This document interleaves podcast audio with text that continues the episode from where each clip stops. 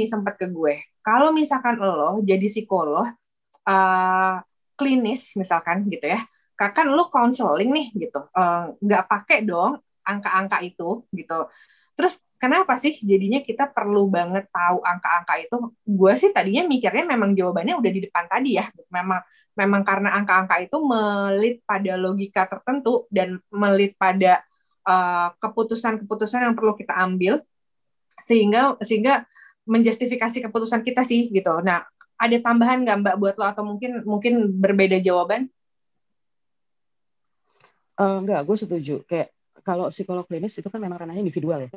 Yeah. Kita kita handle one on one lah gitu. Um, dan biasanya dalam proses konseling itu itu pasti udah dari di kepala psikolognya itu udah ada kayak tadi kalau bahasanya statistik itu ada hipotesisnya, ada dugaan. Kayaknya dia tuh ngalamin yeah. ini deh ngalamin. A, B, C gitu ya.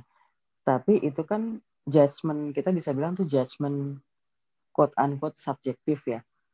Walaupun kita kan ya kita sama-sama belajar psikolog klinis itu ada primbonnya gitu ya, DSM lah gitu. Oh pakai apa sekarang yang buk halamannya aja ribuan gitu. Nah, yeah. Iya. uh, itu ada itu, tapi uh, apa namanya? Itu pun kalau dibilang dia udah ngalamin gejala ini berapa lama itu aja angka gitu kan jadi iya. simptomnya yeah. pertama munculnya kapan terus hmm. ada beberapa di di dalam di dalam si buku primbon itu yang itu pun udah ada angkanya nah itu uh, di beberapa simptom itu kadang-kadang kalau dilihat lagi itu masih ada um, kata apa namanya itu tadi balik lagi ada adjustment adjustment dari kita sebagai psikolog untuk menentukan dia punya nggak gejala itu. Nah, eh, ketika dihadapkan pada seperti itu, itu kan kadang-kadang juga sebagai psikolognya akan gue bener nggak ya gitu. Ini gue salah ngejudge nggak ya? Kan kadang-kadang akan akan ada perasaan begitu. Nah, bener banget tadi. Salah satunya kalau kalau kalau gejalanya itu udah clear banget mah ya udah gitu kan. Udah udah ya. mungkin ya. tidak tidak uh, si alat tes ini nggak perlu dipakai buat menentukan dia katakanlah dia punya gangguan psikologis tertentu karena gejalanya udah jelas banget nih dari 10 dari 10 10-nya ada gitu. Tapi yang memang agak agak susah itu kan yang in between. Kayaknya dia benar begini sih gitu, tapi kok gejalanya baru muncul belum enam bulan nih gitu. Nah, itu itu salah satu perannya kalau di psikologi klinis ya itu akan membantu sih alat tes alat tes ini uh, as long as kita bisa nemu yang sesuai itu akan akan membantu kita buat mengenali si orang ini uh, benar nggak sesuai hipotesis kita tadi sesuai dugaan kita gitu itu membantu banget itu sih Betul. oke mbak ada tips atau pesan-pesan lagi kah buat teman-teman yang mungkin mau masuk psikologi tapi bimbang karena tadi lagi-lagi ya ada uh, ada angkanya mungkin ada mereka akan ketemu statistik di sana gitu atau mungkin buat teman-teman yang udah hmm. masuk ke masuk terjebak c fakultas psikologi uh, dan masih stuck dengan statistik-statistik atau rentetan statistik lo mungkin ada pesan-pesan-pesan mbak? Yang um, buat yang baru masuk uh, apa namanya eh, baru mau kepikir masuk gitu atau baru masuk uh, gue sih nggak akan nggak akan bilang tenang aja semua akan baik-baik aja. Statistik itu gampang karena tidak gitu. Tidak seperti itu. Um, tapi uh, bukan yang nggak mungkin kok lo bisa melalui.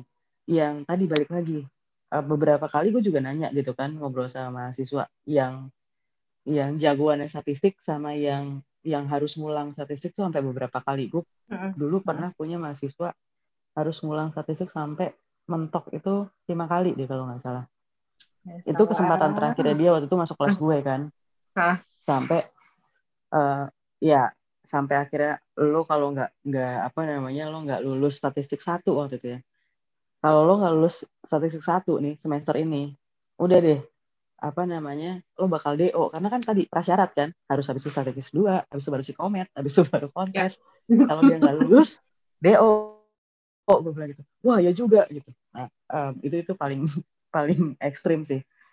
Uh, tapi ketika gue ngobrol sama mereka itu tadi baik yang jagoannya statistik maupun yang tadi harus ngulang sampai berkali-kali itu sebenarnya mostly ya itu pada hambatan emosional sih bener yang beneran mungkin kayak yang rasain ya uh, begitu lihat angka dikasih file Excel suruh ngitung tuh udah sakit kepala duluan gitu Iya, benar. Hmm. Padahal itu sebenarnya bisa dikerjain. Gitu. Itu biasanya satu, hambatan emosional. Yang kedua, uh, justru dengan adanya statistik, itu semakin membuktikan bahwa psikologi itu bukan ilmu uh, nujum, bukan ilmu ramalan gitu. Bahwa uh, kenapa kenapa ilmu sosial, as in general ya, kayak tadi sosiologi, itu juga orang orang-orang yang jago statistiknya justru biasa dari ilmu sosial gitu karena mereka harus ah, bahasa okay. gini karena mereka harus meyakinkan orang lain bahwa yang mereka mereka analisis yang mereka hitung itu benar. Padahal wujudnya nggak ada. Kalau tadi ya balik lagi ya. Nggak ada tuh namanya kecerdasan. Tapi orang sampai sekarang masih pakai konsep IQ juga kok gitu. Karena orang percaya bahwa IQ itu ada. Bentuknya apa? Nggak ada wujudnya gitu kan. Jadi membuktikan bahwa psikologi itu scientific gitu ilmunya. Nah caranya gimana ya dengan dengan uh, statistik. Jadi um, kalau dibilang nanti wah cita-citanya kuliah di psikologi itu akan banyak belajar uh, baca orang secara instan kayak ada buku-buku yang ditemuin di ebook mana atau di toko buku gitu ya. Tidak salah. Uh, tidak seperti itu. uh, itu itu apa namanya um, kalau cuma kayak gitu ya nggak perlu kuliah sampai 8 semester minimal kan ya gitu ya, ya. beli buku aja jadi itu tadi sih statistik uh, justru akan membantu kita untuk uh, tadi kalau kita punya dugaan-dugaan kalau nggak suka apa dijat sama orang gitu ya nah itulah yang akan kita lakukan dengan statistik kita juga proof bahwa kita nggak sembarangan kok bikin penilaian sesuatu, tapi ada buktinya salah satunya ya lewat statistik ini. Nah itu buat yang baru masuk. Kalau buat yang sudah di dalam uh, terus stuck sama statistik, rasakan. Nggak ada yang bercanda. Lu. uh, ya itu tadi gue nggak bisa bilang oh lo pasti bisa enggak lah um, balik lagi dilihat mungkin bisa dilihat lagi sebenarnya hambatannya ada di mana sih? Apakah hambatannya tadi yang paling yang paling common itu tadi hambatannya karena pokoknya apa pun yang terjadi kalau udah ngeliat angka duluan tuh gue udah males gitu. Uh, kecuali mungkin ngelihat angkanya duit gue sendiri gitu ya yang iya, benar. rekening nambah gitu. Angka kalau lihat angka aja males oke berarti ya harus melakukan sesuatu dengan itu, do something gitu kan. Eh, kalau lihat angka malas tuh karena apa? Apakah karena kayak tadi sama, gue pengalaman pengalaman gue di SMP SMA juga buruk kok matematika, nilai gue merah gitu kan. Padahal gue anak IPA, luar biasa ya. Jadi jadi uh, itu karena kalau kalau gue pada akhirnya dulu gue juga mengevaluasi diri gue sendiri ya. Gue sebel banget gitu sama matematika. Kenapa gitu? Karena gue gak gue nggak pernah paham kenapa gue harus belajar matematika. Nanti di kehidupan berikutnya tuh mau dipakai buat apa sih gitu?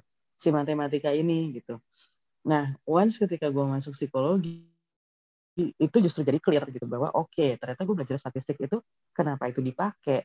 Itu logiknya tuh ada banget gitu semuanya. Jadi uh, itu tadi coba dicari deh sebenarnya apa sih yang yang bikin kesulitan buat buat belajar si statistik ini. Karena bisa jadi uh, kalau paling nggak kalau dari beberapa kali gue ngobrol sama mahasiswa kemungkinan itu sih. Either either karena hambatan si, udah ngeliat angkanya duluan atau uh, karena memang gue gue harus bilang ya karena memang challenging buat uh, pertanyaan di statistik kan men cuma menentukan gue harus pakai metode apa yang paling pas sebenarnya itu doang belajar statistik yeah. bertahun-tahun yeah. Cuma, nah itu jawabannya menentukan metode apa yang paling pas itu kan dari, angkanya kayak apa, lo tujuan riset lo kayak apa dan seterusnya. Kriterianya banyak lah. nah itu yang ternyata dianggap gila ribet banget ya gitu. Kriterianya ada katakanlah bisa ada 15 gitu. Gue harus membuktikan kriteria ini benar ada apa enggak gitu. Sehingga baru menentukan mana. Jadi itu sih um, kalau buat yang udah masuk di psikologi masih struggle sama statistik coba dicari dulu deh. Sebenarnya uh, yang bikin yang bikin diri sendiri itu ngerasa kesulitan itu karena apanya gitu. Uh, hintsnya tadi kemungkinan dua itu tadi karena either karena hambatan um, udah males duluan atau yang kedua emang ribet gitu kan ngerasa ribet menentukan kriterianya tadi gitu. Um, kalau itu udah ketemu ya sort it out gitu. Artinya ya memang harus diatasi uh, statistik ya memang begitu udah gak bisa diapain lagi tinggal nyari caranya. Kayak tadi contohnya uh, contohnya Nani oke okay banget gitu kan. Daripada gue ngapalin ya ada berapa metode statistik di tesnya aja masih bercabang gitu kan ada tes uh, apa namanya independen ada yang uh, ih iya benar ya kan? Apa uh, uh, juga bercabang uh, gitu. Belum parametrik dan parametrik itu iya, banyak yeah, metodenya yeah, gitu. Yeah. Ya udah karena daripada gue ribet ya gue bikin aja sendiri tadi kayak kayak entah chartnya gitu kan lihat flow-nya karena betul bahwa uh, ujung-ujungnya statistik itu tadi menentukan metode yang paling pas gue pakai apa. Jadi lo bikin aja sendiri tadi kriterianya gitu kan. Oh kalau angkanya itu, ini contoh, angkanya itu discrete sama continuous. Discrete itu kalau angkanya nggak bisa dibagi jadi uh, bilangan yang desimal lebih kecil. Gitu. Misalnya hmm. satu, dua, tiga, empat, lima gitu, mm. bilangan bulat lah. Kalau continuous itu yang masih bisa dibagi lagi, ada desimalnya, kira-kira gitu. Nah ini dari dua angka ini aja nanti udah beda lagi tuh. Oke, jadi gue nggak bisa pakai yang ini. Gitu. Harus pakai. Nah itu tadi contohnya yang di, dikasih contoh sama Ana oke okay banget sih. Jadi nanti toh pada akhirnya um, bisa jadi cara yang dipakai sama kita dan sama teman kita itu bisa beda. Karena tadi mungkin mungkin sama-sama kesulitan di statistik tapi penyebabnya kan beda. Gitu. Dan sebenarnya Jadi, uh, semangat, iya benar. dan sebenarnya gini sih uh, kuliah di psikologi itu selalu turun temurun dibilangnya adalah rawat jalan kan ya gitu. Jadi uh, rawat jalan itu bisa dimulai dari kita ngeh kenapa kita gagal di satu mata kuliah apalagi kalau udah berkali-kali gitu loh. Jangan-jangan hmm. Memang perlu treatment dulu nih gitu. Treatmentnya hmm. mungkin treatmentnya mungkin sesimpel bilang bahwa kayaknya emang gue takut deh sama angka atau kayaknya emang kayaknya kayaknya gue butuh deh konseling dulu sekedar nggak tahu minta semangat kali sama dosen pembimbing akademik atau apa segala macam gitu. Mm -hmm. untuk sekedar ya udah bisa ya ujung-ujungnya sih memang kan berdamai sama diri sendiri ya mbak. Cuman kan prosesnya betul, panjang betul. kali lebar tuh gitu. Yes. Gitu. Uh, du dulu sampai ada aku mahasiswa mahasiswa gue saking takutnya ya sama sama statistik um, dia apa namanya uh, kebetulan bimbingan skripsi sama gue Nah, pas hmm. lagi skripsinya oke okay banget, ya ujungnya dia dapat A juga gitu kan. Tapi okay. dalam proses uh, ujiannya, waktu ujian skripsi, pas kebetulan dapat dosen pengujinya adalah dosen statistik yang menurut dia killer. Belum gitu. Jadi Blas nggak bisa jawab gitu. Kan gue sampai bingung nih kenapa gitu. Baru ternyata gue tahu. Padahal si dosen yang yang apa yang penguji yang dia bilang killer itu karena tahu bahwa mahasiswa gue ini pernah di kelas dia dan sempat nggak lulus waktu itu hmm? itu uh, cara penanganannya tuh jadi beda gitu. Maksudnya emang udah sangat apa ya uh, ayo coba kamu bisa kok gitu. Kayaknya ada deh itu deskripsi kamu coba dijawab aja gitu. Tinggal bacain kok sampai digituin gitu. Hmm. tapi tetap aja hmm. udah saking ya blockingnya dan akhirnya sidang sidang pertama tuh nggak lulus jadinya. Gitu. Karena uh, setelah gue ngobrol sama dosen pengujinya kan juga nggak ada masalah sama skripsinya dia. Tapi karena sidangnya dia benar-benar nggak bisa jawab pertanyaan apa pun nggak lulus gitu. Jadi sampai sampai kita di yang dibilang hambatan emosional tuh sampai segitunya. Gitu. Nah mungkin itu juga yang bisa terjadi dengan statistik kan. Benar-benar benar tapi oh. coba cari deh penyebabnya terus cari caranya gimana ya kira-kira Iya, itu itu terjadi sama gue juga. Jadi uh, ketika gue ketika gue ujian sidang, gue dikonfront sama pengujinya. Mhm. Pengujinya tuh si simpel nanya gini ke gue. Jadi gue pakai gue pakai korelasi, abis itu memang gue regresiin mbak gitu karena Oke. uh, memang pengen ngelihat uh, ininya kan, ngelihat apa namanya regresi itu apa sih ngelihat kontribusi gitu. Nah Mhm. uh, gue ditanya pertanyaannya tuh beneran cuma gini doang kenapa kamu mesti pakai korelasi padahal kan regresi juga udah padahal dengan kamu menghitung regresi kamu juga udah pasti ngitung korelasinya tapi kenapa kamu mesti ngitung dulu korelasinya sendiri dia tuh ngomong gitu Mhm. Uh, Mhm. Somehow gue Pertanyaan ujian skripsi banget sih. yoi nah Terus terus. gue gue itu ngerasa pede banget itu kan ini ya skrip eh, apa namanya eh, skripsi gue itu pembimbing gue pembimbing pembimbing pertama gue itu dosen statistik gue waktu statistik satu yang bikin gue nggak lulus Oke. beberapa kali Oke Nah, baik. nah tapi gue punya dosen gue nggak bisa bilang dia dosen pembimbing kedua sih karena memang memang memang nggak ada tanda tangannya dia sebagai dosen pembimbing kedua gue jadi memang cuma kayak dosen bayangan doang gitu loh mbak Oke itu oke.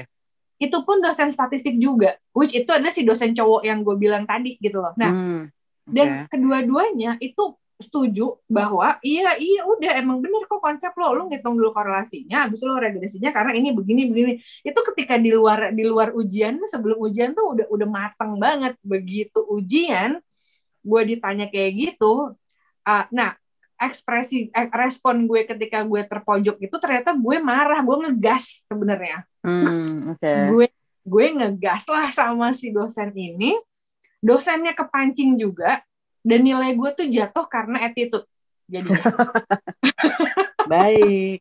jadi jadi ketika jadi waktu itu memang gue tidak didampingi sama dosen dosen pembimbing gue karena waktu itu dia lagi di Jerman ya lo tau lah Oh, oke. bolak balik ke Jerman. Nah eh, dia lagi di Jerman. Ketika dia balik ke Jerman eh, dia manggil gue kan kita mau apa ngomongin tentang revisian. Ketika gue masuk ke ruangannya dia dia cuma senyum dia ketawa sama gue terus ngomong gini kamu kenapa di ruang sidang? Udah gitu loh. Dan dan dan gue cuman yang kayak ya soalnya gimana mbak? Lalalala gue argumen sih gini tapi kan kita udah pernah ngomongin itu nah gitu kan. Maksudnya lu tahu loh jawabannya kenapa kenapa kita mesti ngitung korelasinya dulu baru habis itu lu ngitung regresinya kan lu udah ngerti gitu. Terus lu udah lu udah diskusi juga sama si dosen satu lagi kenapa lu nggak bisa jawab.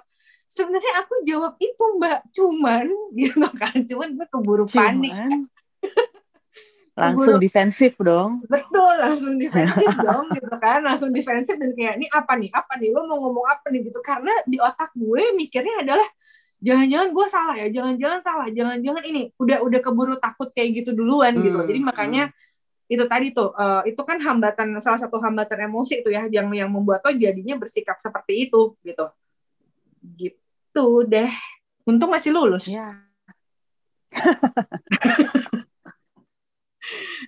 Ya. Terbukti lah udah jadi psikolog sekarang. Betul. Amin. ah, baiklah. Kalau gitu, Mbak Geta, terima kasih banyak udah sharing-sharing di sini. Sip, thank Semoga you semoga banget. bisa Semoga membantu juga. membantu benar semoga membantu teman-teman yang mau masuk psikologi juga bahwa kalian gak sendirian sih kalau kalau berpikir bahwa ke, kejebak bahwa ngerasa kok psikologi di statistiknya, kok psikologi di hitung-hitungannya gitu kalian nggak nggak sendirian gitu ya. Tapi ini nih selama tadi kita ngobrol eh, ini tips-tipsnya yang bisa kalian pakai buat ngejalanin kuliah di psikologi khususnya tadi menghadapi statistik dan eh, rekan-rekannya dia yang lain gitu ya eh, antek-antek statistik yang lain gitu supaya Mhm. emang emang bisa jalan sampai selesai gitu. Ya, ya. Betul. Terima kasih banyak ya Mbak. Terima kasih juga sudah mengajak. Sama-sama. Terima kasih juga udah mau diajak. Dan by the way, oh ya teman-teman kalau misalkan mau ada uh, hal yang mau dibahas silahkan uh, email kirim ke email aku di ana.desena@gmail.com itu ada di uh, description podcast. Nanti kita akan uh, kita akan aku akan berusaha cari uh, orang narasumber yang bisa bisa membahas uh, materi tersebut dengan oke. Nanti kita bikin podcastnya gitu. Oke. Terima kasih banyak Mbak Agatha. Uh, Sip, selamat Thank you juga. Selamat sore, selamat bersenang-senang. Selamat Sore.